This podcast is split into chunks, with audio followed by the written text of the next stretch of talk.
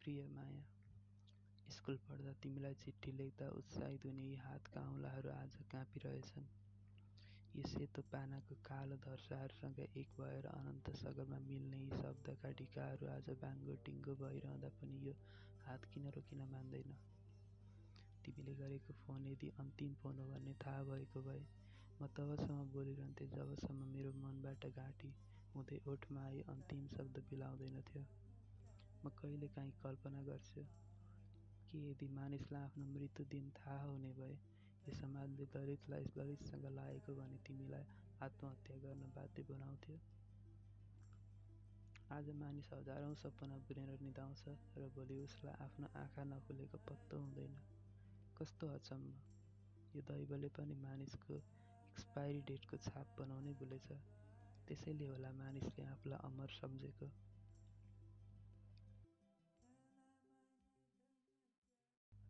तर मलाई आजभोलि मृत्यु अत्यन्तै घनिष्ठ मित्र लाग्छ।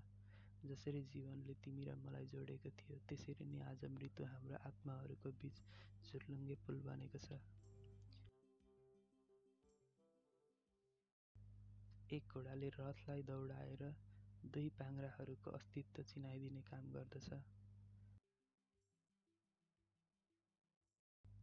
आज मृत्यु हाम्रो रथको घोडा बनेको छ।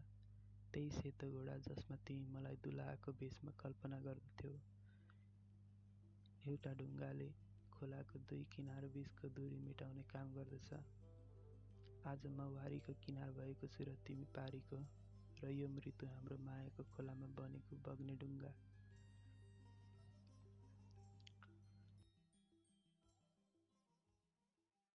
माया, मलाई थाहा छैन यो चिठी कहिले लेखेर सकिन्छ, किनकि हरेक दिन यसमा नयाँ वाक्यहरू थपिएर जान्छन्।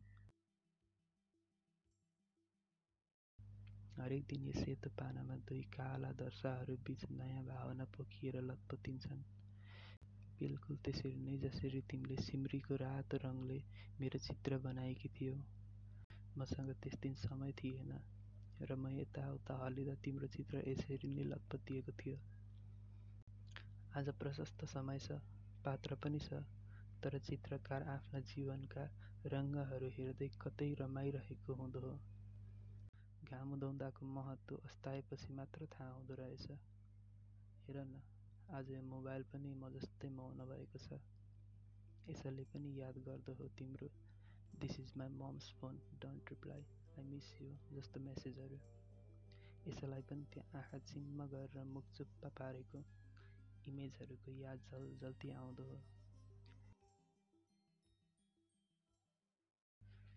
तिमीले मलाई सुख छोडेर गयौ र तिम्रो यादहरूले दुःख। तिमीले मलाई हाँसो छोडेर गयौ र तिम्रो यादहरूले रुदन। आज म तिम्रो कारणले पूर्ण भएको छु किनकि तिमीले मलाई जीवन र मृत्यु दुवै छोडेर गयौ। बस तिमीले मलाई एउटा कुरा छोड्न भुलेछौ।